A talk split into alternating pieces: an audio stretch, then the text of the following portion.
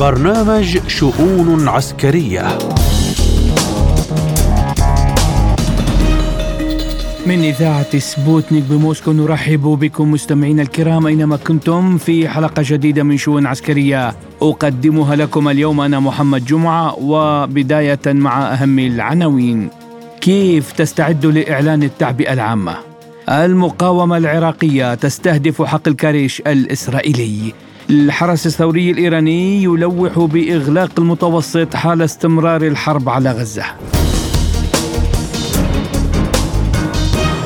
وفي ظل حالة من اليأس والأسى والإحباط التي تسود القوات المسلحة الأوكرانية قال وزير الدفاع الأوكراني رستم ميروف إنه يود استدعاء المواطنين الذين غادروا البلاد للتعبئة ووفقا له يجب أن يحصل جميع الرجال الذين تتراوح أعمارهم بين 25 و 60 عاما الذين يعيشون في الخارج على الدعوة للحضور إلى مكتب التجنيد. واشتكى وزير الدفاع الأوكراني من أن عملية التعبئة في أوكرانيا قد تمت شيطنتها وأصبحت الخدمة العسكرية تعتبر بمثابة عقاب. حول آخر تطورات الحرب في أوكرانيا نستضيف معنا الخبير بالشأن الروسي مدير مركز GSM للدراسات الدكتور آصف ملحم. أهلا بك دكتور آصف في شؤون عسكرية وأبدأ معك مما يصرحون في أوكرانيا أنه لم يعد هناك متطوعون في البلاد يريدون الانضمام إلى الجيش. هل يمكننا القول أن نظام كييف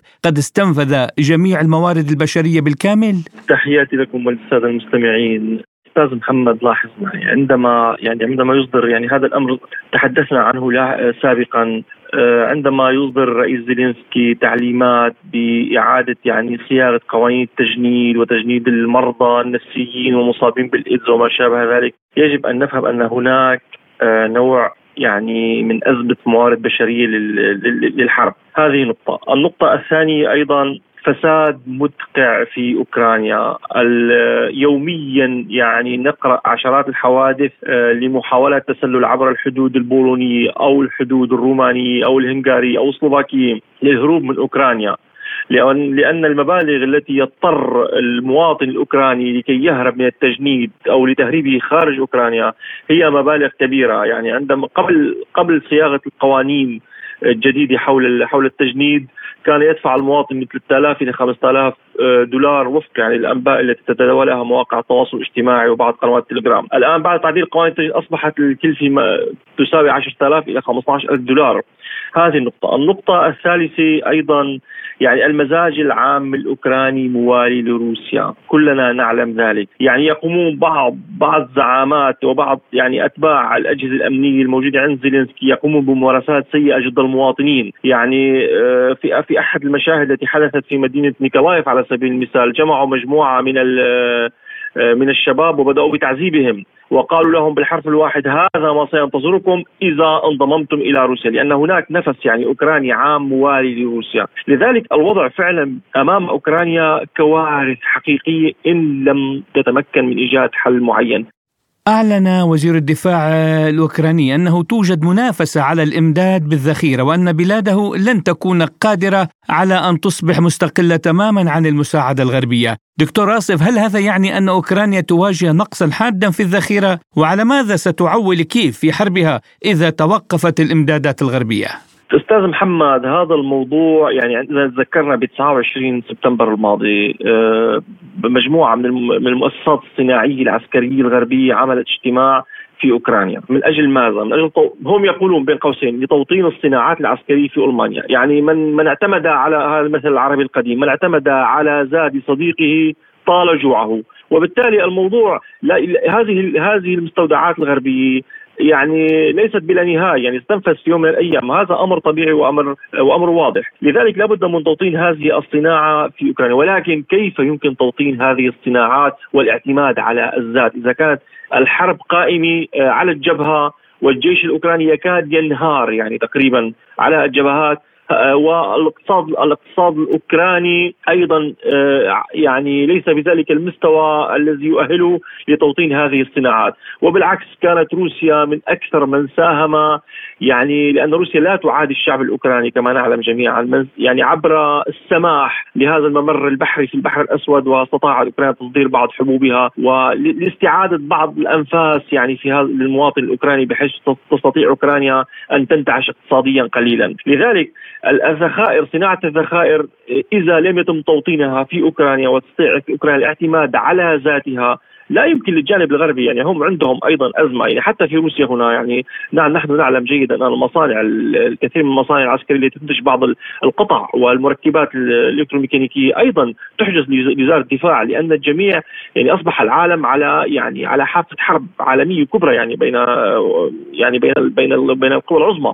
لذلك الجانب الغربي لا يستطيع أن يقدم كل ما عنده من ذخائر لأوكرانيا. يطالبون بتجميد الصراع. تجميد الصراع بهدف يعني إعطاء آه، بعض الاستراحة لاوكرانيا لانعاش اقتصادها وإعادة يعني آه، رص صفوفها من جديد وصناعة هذه الذخائر للقيام بجولة حرب جديدة مع روسيا، ولكن روسيا تراقب أجواء أوكرانيا فإذا ما بدأ بالقيام بأي مصنع ستستطيع روسيا قصفه وهو في طور الإنشاء. نعم دكتور آصف، من اعتمد على زاد صديقه طال جوعه.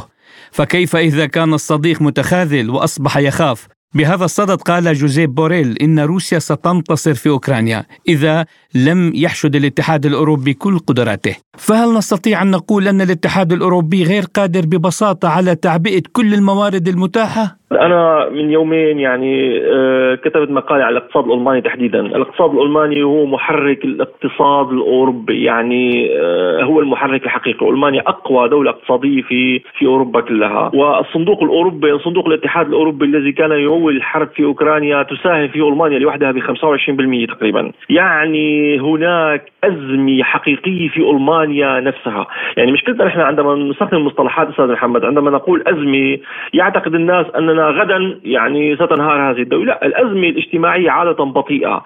كل كل التحولات الاجتماعية وكل يعني الظواهر الاجتماعية تحولات بطيئة. ولكن بدأت هذه الأزمة تتفاعل في المجتمع في المجتمع الألماني.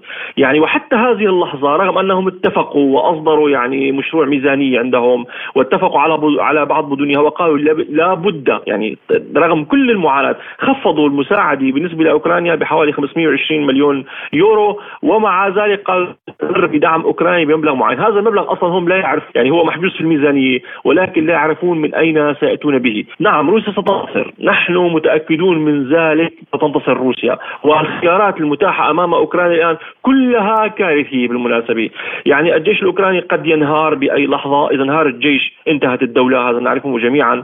آه الانتخابات هناك يعني أزمات اجتماعية، يعني إذا جرت الانتخابات في أوكرانيا السنة المقبلة هناك الكثير من التحليلات التي تقول بأنه قد تحصل انقسامات اجتماعية في أوكرانيا تعيد أوكرانيا إلى ما كانت عليه قبل الاتحاد السوفيتي، إذا حدثت انقسامات اجتماعية فمعنى هذا قد نعود إلى حرب أهلية داخل أوكرانيا. هون هون المشكلة الكبرى، ماذا ماذا يمكن للاتحاد الأوروبي أن يفعل لأوكرانيا عندها؟ يعني إذا صارت حرب آه، أهلية في داخل في داخل أوكرانيا، يعني لا يمكن لأي جيش في العالم أن يتجرأ على الدخول وخاصة في أوكرانيا لمصالحة الأطراف المتحاربة، الدولة الوحيدة التي قادرة على ضبطها هي روسيا، وحتى المستشار السابق آه، في مكتب زيلينسكي الكسي أرستوفيتش قال يعني إذا روسيا استطاعت أن تأخذ أوكرانيا كلها فنحن فسيكون حلف الناتو كله أمام تهديد روسي حقيقي آه، في المستقبل. آه، دكتور آصف ذكرت المستشار السابق لزيلينسكي، نحن سمعنا اليوم كيف يدعو كييف وموسكو لتوقيع اتفاق سلام فوري وتقديم دعوى قضائية ضد الدول الغربية يعني إلى أي مدى واقعية هذا السيناريو؟ هذا السيناريو وإذا إذا أوكرانيا وافقت أستاذ محمد لاحظ معي هذا هذا فعلا تصريح ذكي آه، ارستوفيش كان مستشار سابق بيعرف كل خفايا السياسة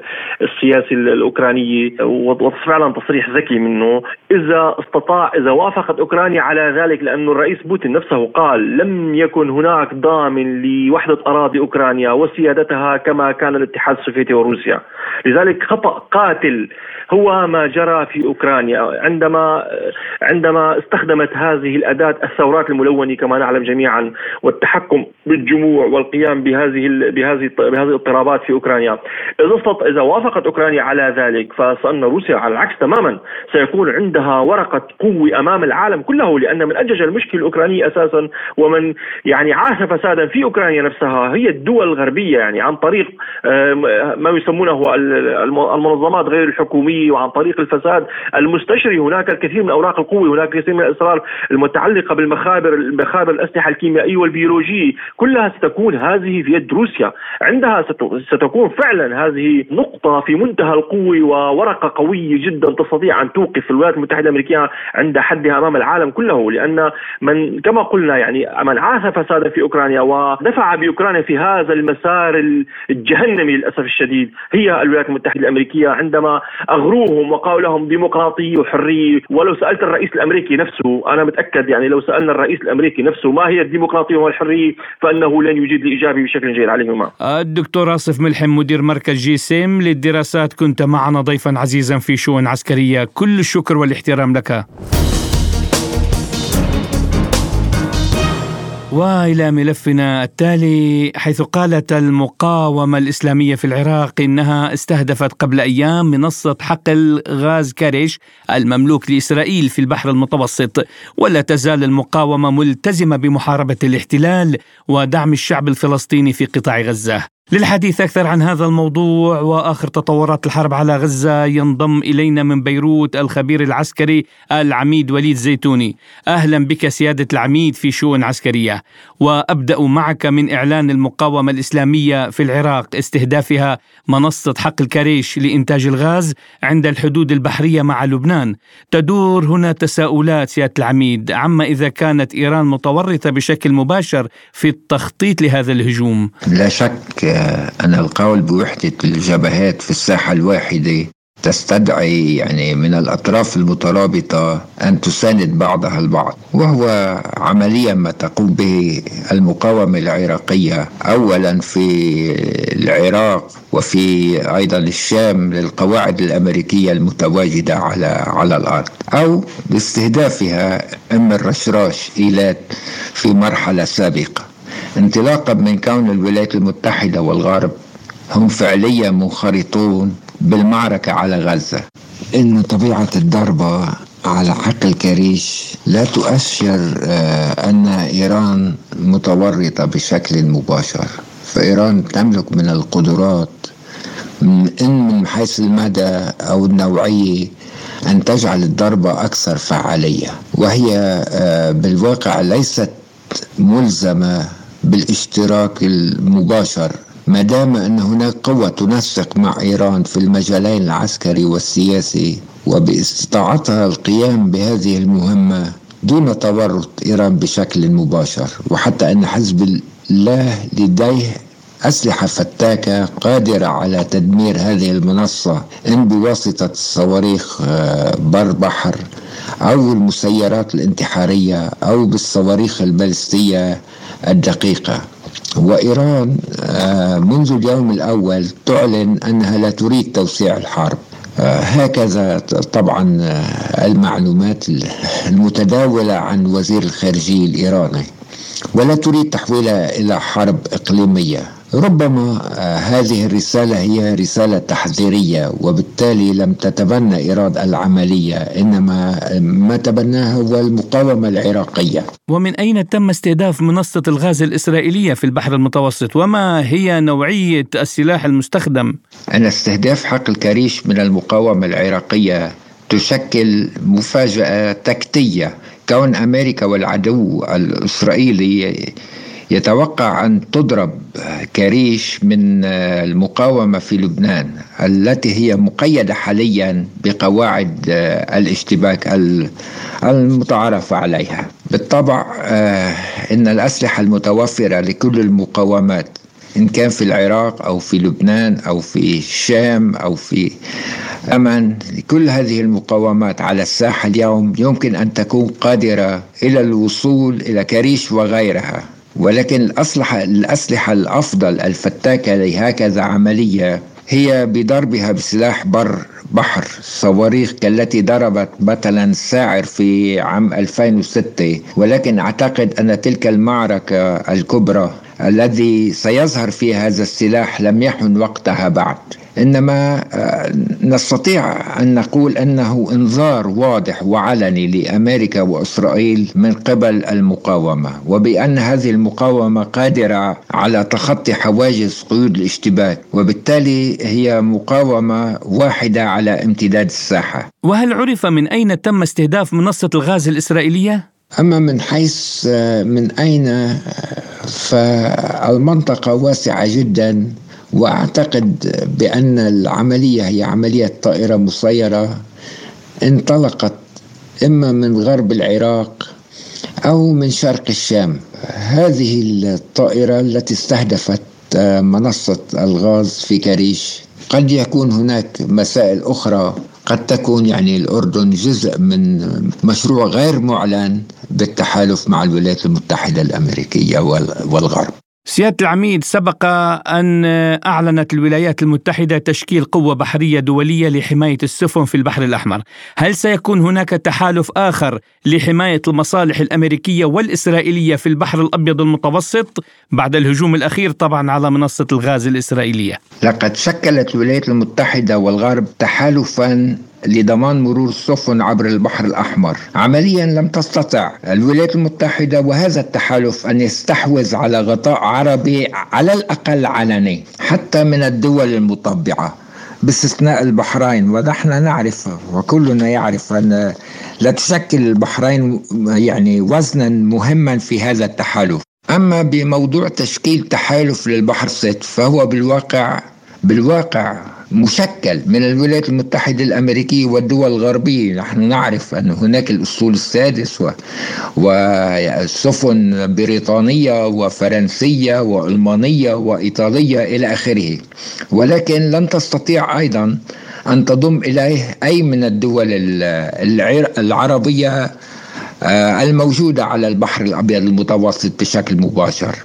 لكن هذا التحالف لن يزيد لا القدرة وهي بالطبع فائدة. هذه القدرة فائدة في البحر الأبيض المتوسط ولا من الناحية السياسية.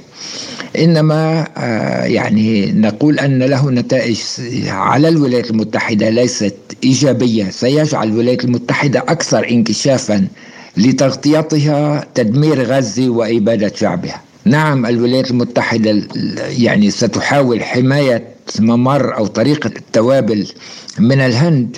التي تبدأ بالهند وطبعا تنتهي في أوروبا. آه، لكن هذه الطريق آه، عمليا قد سقطت بفعل المقاومة اليمنية. إن الأيام القادمة ستظهر أن هذه المسألة مسألة ضرب آه، كريش هي رسالة وإنذار للعدو الإسرائيلي بأننا قادرون على إصابته.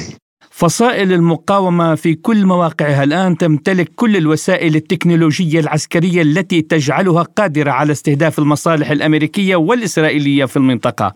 سيادة العميد هل ستمتد الحرب إلى جبهات أخرى أم ستتم موافقات بالشروط الإيرانية؟ إسرائيل مطوقة بحزام ناري أو بحزام من نار بدءا من العراق مرورا بالشام إلى لبنان إلى فلسطين وإلى اليمن والبحر الأحمر. وبالتالي كل هذه المقاومات ومن أي منطقة هي قادرة على إيصال ما هو مطلوب عسكريا إلى أي هدف داخل كيان العدو خاصة يعني آه، سلاح سلاح الطائرات المسيرة التي تمتلكها هذه القوة. والتي يعتبر الآن هو السلاح الأمضى في المعركة الحديثة.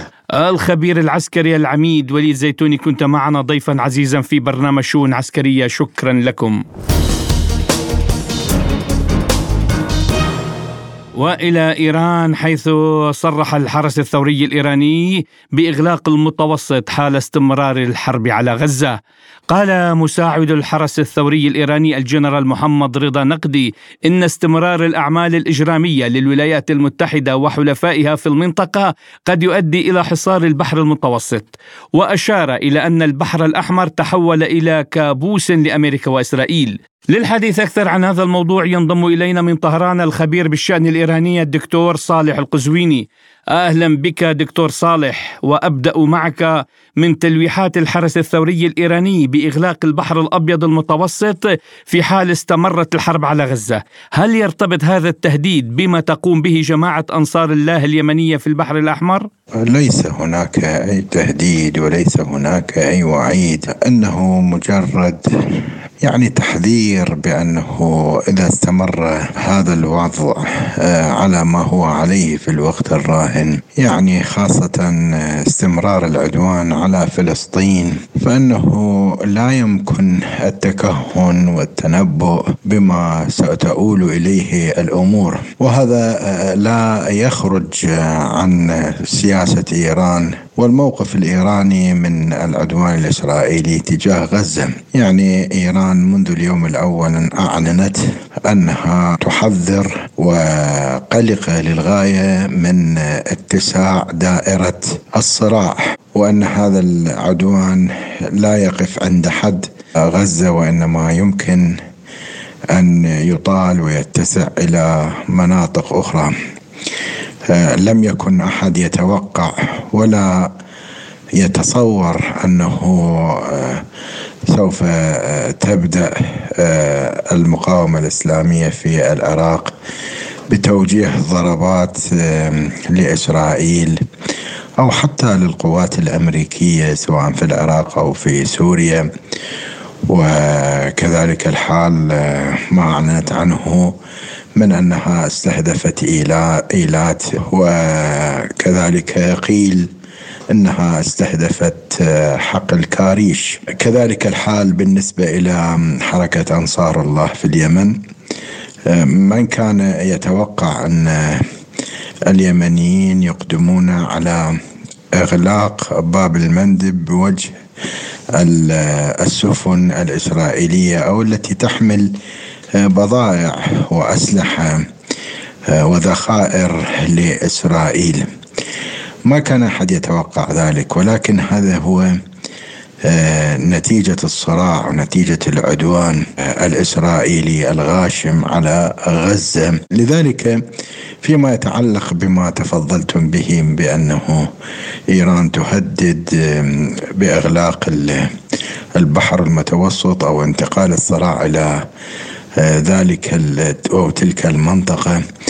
آه، أنا أعتقد أنه هذا أيضا يدخل في آه، سياق السياسة الإيرانية والموقف الإيراني وهو التحذير من أن هذا الصراع لن ينحصر بغزة وإنما يمكن أن يتمدد. نحن نسمع الولايات المتحدة تقول أنها لا تريد انتقال الصراع إلى مناطق أخرى ولكن هي عمليا مشاركة في استمرار هذا الصراع وتمدد هذا الصراع من خلال استخدام الفيتو من خلال تزويد إسرائيل بكل ما تريد من الأسلحة. وهل إيران برأيك تمتلك هذه القدرة التكنولوجية العسكرية البحرية لتتبنى مثل هذه المواقف التنافسية الدفاعية القوية في البحار؟ طبعا قدرات إيران العسكرية قدرات واسعة وقدرات كبيرة وهي في تطور دائم يعني إيران تعلم أن اعدائها كثر تعلم أنها مستهدفة من قبل إسرائيل مستهدفة من قبل الولايات المتحدة الأمريكية. لذلك مضطرة إلى آه، تنويع قدراتها العسكرية. تعد نفسها آه، لأسوأ الحالات. تعد نفسها لعدوان آه، ربما متعدد الأطراف. إذا كانت أي حرب تفرض عليها فإنها لا آه، لا تنزل لا تنهزم من هذه الحرب وأنما آه، سوف تدافع بكل ما أوتيت من قوة. ومن الطبيعي أنها وصلت إلى مستويات عليا في قدراتها العسكرية. ولكن في نفس الوقت فإنها لا تريد خوض أي حرب. في نفس الوقت لا تدعو إلى أي حرب. بل على العكس من ذلك غالبا ما تسعى إلى إخماد النيران التي تشعلها الولايات المتحدة أو التي تشعلها إسرائيل. من هنا يمكن القول أنه إيران آه، تدعو إلى السلام ترفض الحرب ولكن في نفس الوقت أنها آه، مستعدة للمواجهة والمقاومة. عندما تغلق إيران المضائق والممرات البحرية، هل هذا مساهمة في الدفاع عن الفلسطينيين؟ استراتيجية إيران وسياسة إيران الدفاعية هي دفاعية بحتة للغاية.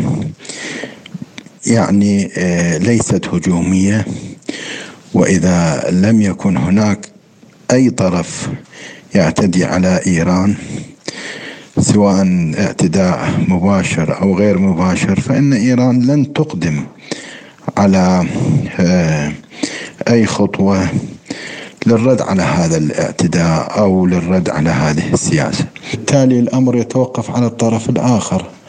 الطرف الآخر إذا وجه ضربة إذا وجه اعتداء على إيران من الطبيعي إن إيران سوف ترد والرد ربما يفوق الضربة التي تتلقاها إيران آه، وكما تتفضل أنه إغلاق المضائق والممرات البحرية. نعم إيران ربما تلجأ إلى ذلك.